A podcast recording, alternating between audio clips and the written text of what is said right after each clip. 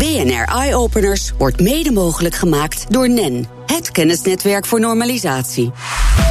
BNR Nieuwsradio. BNR Eye Openers.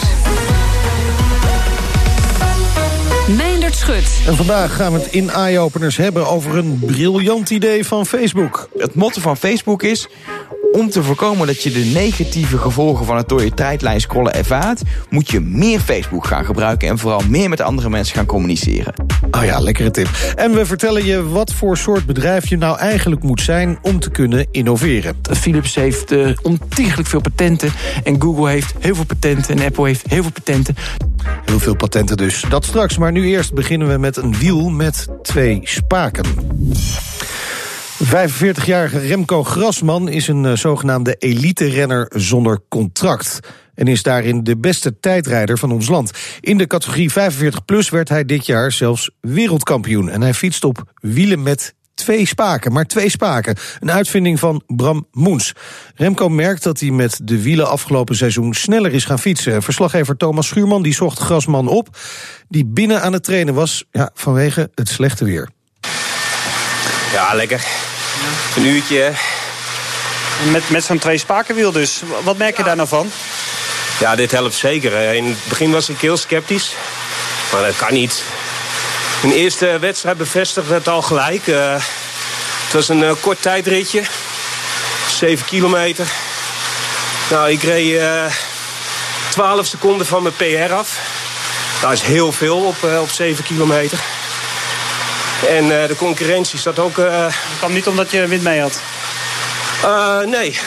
Nee, het was een rondje, dus... dan, ja, dan heb je van allerlei soorten wind. Maar echt geloven deed ik er toen ook nog niet. Ik denk, dat is toeval. Tweede wedstrijd.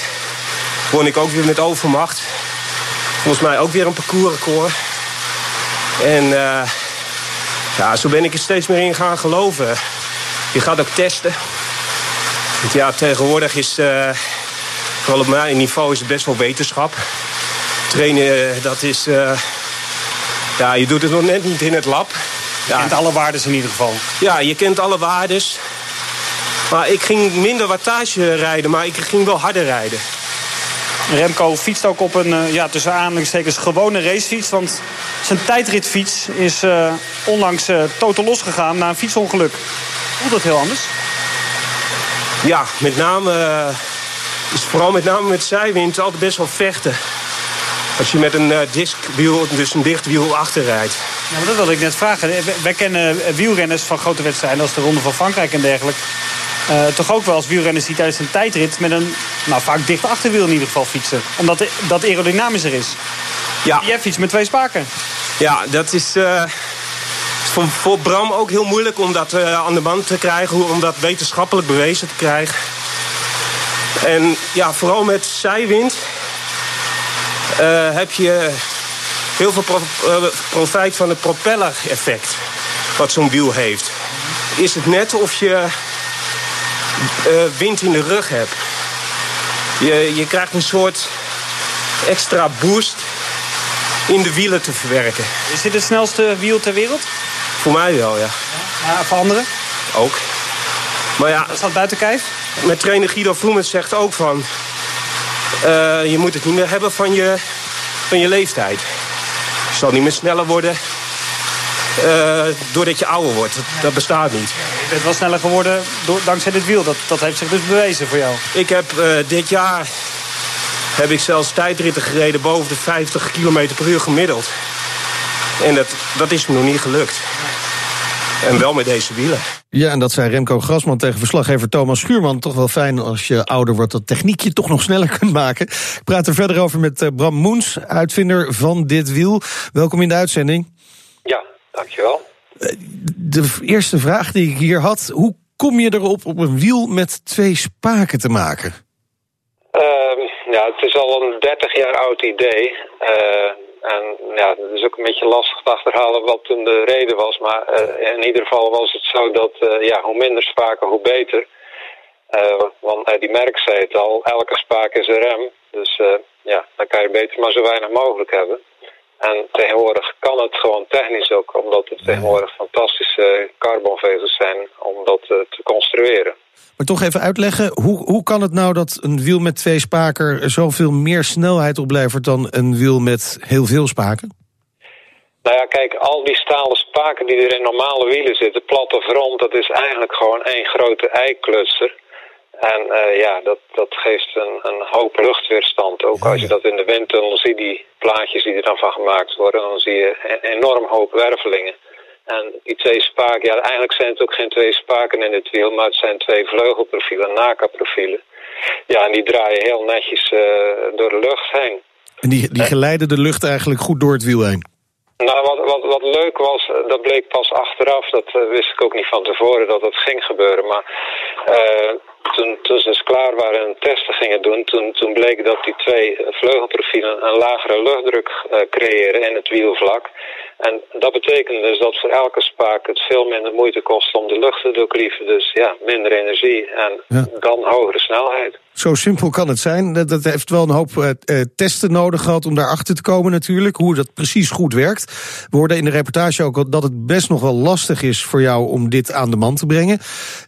Is het een conservatieve wereld?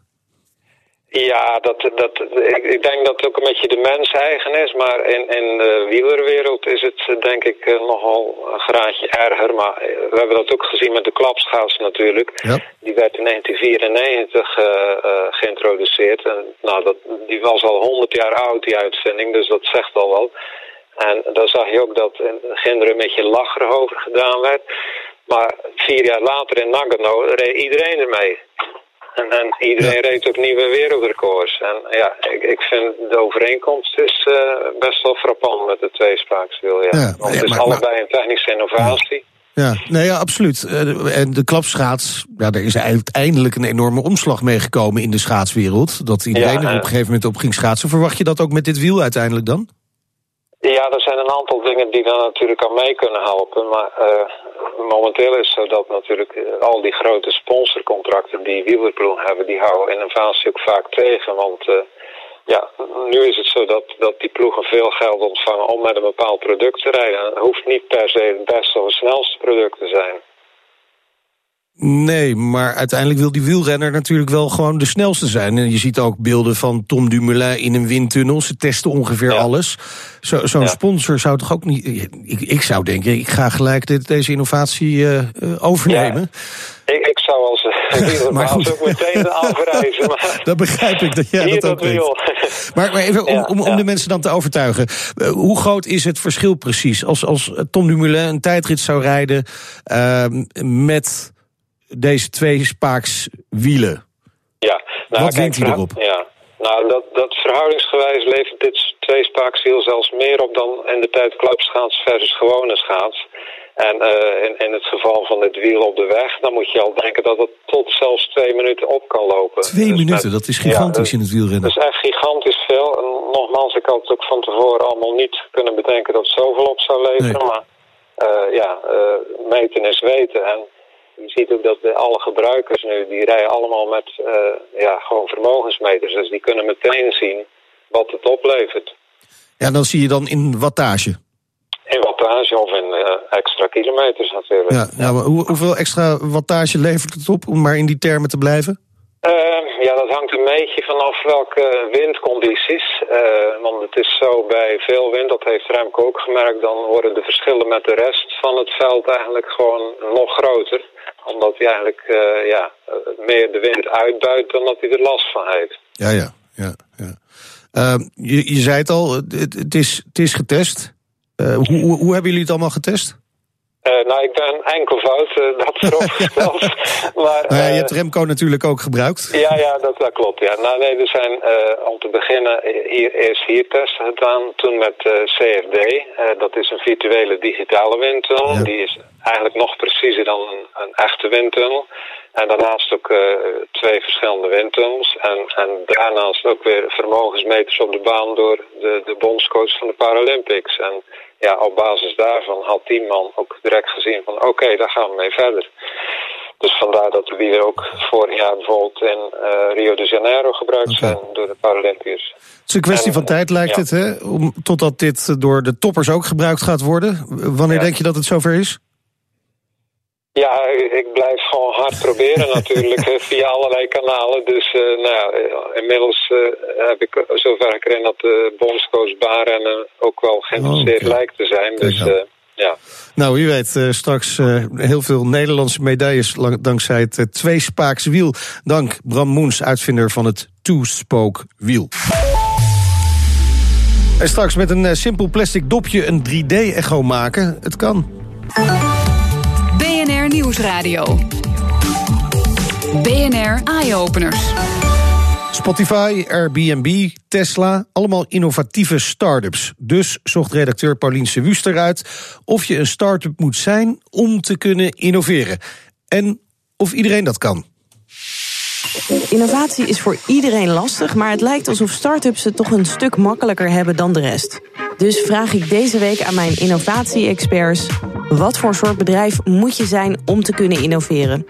En volgens Jan Ballon van afdeling Buitengewone Zaken, een ontwerpbureau, hebben inderdaad start-ups een voordeel. Dus het is absoluut makkelijker als start-up, omdat je, je moet met minder eh, protocollen en dingen rekening houden. Dus die wendbaarheid is wel echt iets waar, ja, als je ziet dat een, een start-up een, grote speler in de industrie volledig eh, voorbij gaat, dan komt dat ongetwijfeld door die wendbaarheid. Eh, je hebt gewoon heel vaak binnen grote bedrijven heb je protocollen die innovatie letterlijk tegenhouden en die het stroperig maken. U hoort het al, het is het bekende verhaal. Als grote corporate kun je niet innoveren omdat er te veel bureaucratie is en te veel regeltjes.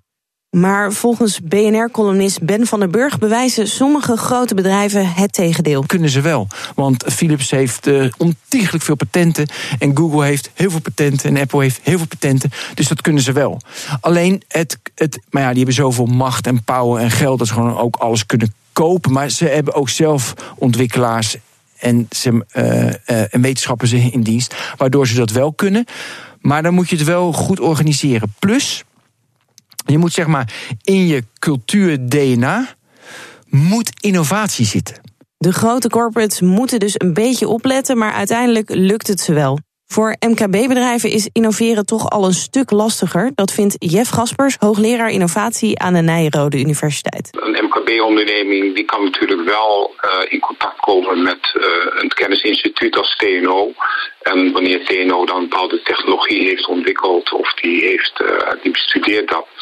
dus in de driehoek van kennisinstelling en de, de, de ondernemer samen met klanten kan er wel iets ontstaan. Maar in het algemeen hebben MKB-ondernemingen niet de kracht. Oké, nou kan je de conclusie trekken: het gaat gewoon niet lukken. Ze hebben er de kracht niet voor. Maar volgens Jeff is er voor MKB-bedrijven toch nog hoop. Je hebt niet veel geld om R&D te doen. Je kunt niet concurreren met Philips. Maar ja, als je klein bent, dan moet je slim zijn. En slim zijn betekent bij innovatie is ja, in je netwerk kijken met wie kan ik samenwerken, met wie kan ik uh, nieuwe concepten ontwikkelen en wat, hoe kunnen wij de volgende de stap zetten. Het is je misschien al duidelijk, maar ik kop hem toch nog even in. Voor elk soort bedrijf is het lastig om te innoveren, maar de hoopvolle boodschap is: we kunnen het allemaal. En om dan te zorgen dat we het ook allemaal kunnen gaan doen, hebben we subsidies. Ja, en of die werken, dat zoekt Paulien volgende week voor je uit. BNR Nieuwsradio. BNR Eye-Openers. Meindert Schut. We kennen natuurlijk de echo van het kijken naar een baby in de buik. En die echo's kunnen we ook al maken in 3D. Maar je raadt het al, dat kost flink wat geld... want daar komen veel dure sensoren bij kijken. Nou, Pieter Kruisinga, onderzoeker aan het eh, Erasmus MC... heeft er een oplossing voor gevonden. Welkom in de uitzending. Ja, dankjewel. Wat, hebben jullie, wat hebben jullie bedacht? Nou, wij hebben um, eigenlijk iets heel simpels bedacht. Uh, normaal heb je dus, zoals je zei, heel veel sensoren nodig ja. om, om elk puntje in de ruimte af te beelden. En we dachten, nou, als we nou één sensor pakken en daar een plastic uh, kapje voor zetten, uh, zodat je allemaal rare signalen de ruimte instuurt, dan kun je dat volgens mij met een slimme computer oplossen. En dat is ons gelukt. Dus eigenlijk dat, dat dopje wat je erop zet op die sensor, daar zitten gaatjes in en daardoor wordt het signaal verspreid? Ja, dus je, je moet je voorstellen dat normaal, zeg maar, ik gebruik wel eens een metafoor van een mobiele telefoon. Daar heb je ongeveer drie zendmasten voor nodig om te kijken waar die telefoon zich bevindt. Nou, en, en, met echografie is dat net zo. Je hebt heel veel sensoren nodig om elk punt in de ruimte precies te weten waar dat vandaan komt. Nou, als je één sensor hebt kun je dat niet doen, maar met zo'n plastic kapje eh, verstoor je het veld, waardoor je eigenlijk naar elke punt in de ruimte een ander signaaltje toestuurt. Nou, als je dat weet, hoe, dat, hoe dat gebeurt, dan kun je dat gebruiken en, uh, en uh, lukt dat. Ja, maar wordt het signaal niet zwakker doordat je het verspreidt? Ja, nee, dat wordt zeker zwakker. Um, dat is iets waar we, waar we nu aan werken, maar... Um, ja, wij hebben nu laten zien dat het echt met één sensor kan. Dus van duizenden terug naar één. En ik denk dat de optimale toch wel iets meer uh, nodig heeft. Oké. Ja, maar goed, daar zou je ook zo'n dopje op kunnen zetten natuurlijk. En dan heb je er ook niet zo heel veel nodig. Kun je elk, elk materiaal gebruiken om dat dopje van te maken? Um, nou, dat is wel interessant. We hebben nu gewoon uh, wat we op de plank hadden liggen gebruikt. Maar uh, ik denk dat je daar hele optimale uh, materialen voor kan vinden. Wat je wel moet zorgen is dat het materiaal dus een andere geluidssnelheid heeft dan water of dan een medium van de mens bijvoorbeeld. Dus zodat je, dat die puls overal door het plastic wat langzamer en wat sneller gaat. Oh ja, oké. Dat is nog belangrijk om uit te zoeken dus. Maar in, ja. in theorie hebben jullie het in ieder geval bewezen en uit, ja, uitgewerkt. De basis ligt er. De basis ligt er. Um, en aan de achterkant, want je hebt natuurlijk ook nog een computer nodig die die signalen analyseert. Ja, nee, dat, in ons geval was dat een redelijke sterke computer, uh, maar wel gewoon iets dat je uh, als particulier kan kopen. Maar ik, ik kan me zo voorstellen dat, dat dat net zoals bij Google nu gebeurt, hè, dat je gewoon een, uh, met je mobiele telefoon dat opstuurt naar Google en dat daarna een sterke computer staat die dat uitrekent en dan het plaatje weer terugstuurt. Uh, dus ik, ik, zie daar niet zoveel problemen in. Oké, okay, dat hoeft dus in ieder geval niet de kosten verder op te drijven. Nee, nee, nee. nee dat hoop ik niet. Nee. Uh, het is natuurlijk een hartstikke mo mooie uitvinding als dat inderdaad werkt. Dat je van duizenden sensoren naar een aantal, misschien zijn dat er honderd, daar heeft u natuurlijk kijk op, uh, kunt gaan. Dat scheelt enorm veel kosten. Betekent dat ook dat het veel toegankelijker wordt, kan ik me voorstellen? Ja, ja ik, ik, zie vooral twee, twee aspecten eraan. Eén zijn de kosten, zodat je, uh, want, want, nu wordt het 3D-echo wel gebruikt, maar voornamelijk om, om baby's te zien. En er zijn heel veel medische specialisten die ook wel 3D-echo willen, maar dat er gewoon niet voor bestaat, omdat die markt te klein is. Dus ik denk dat je bepaalde markten kan bedienen.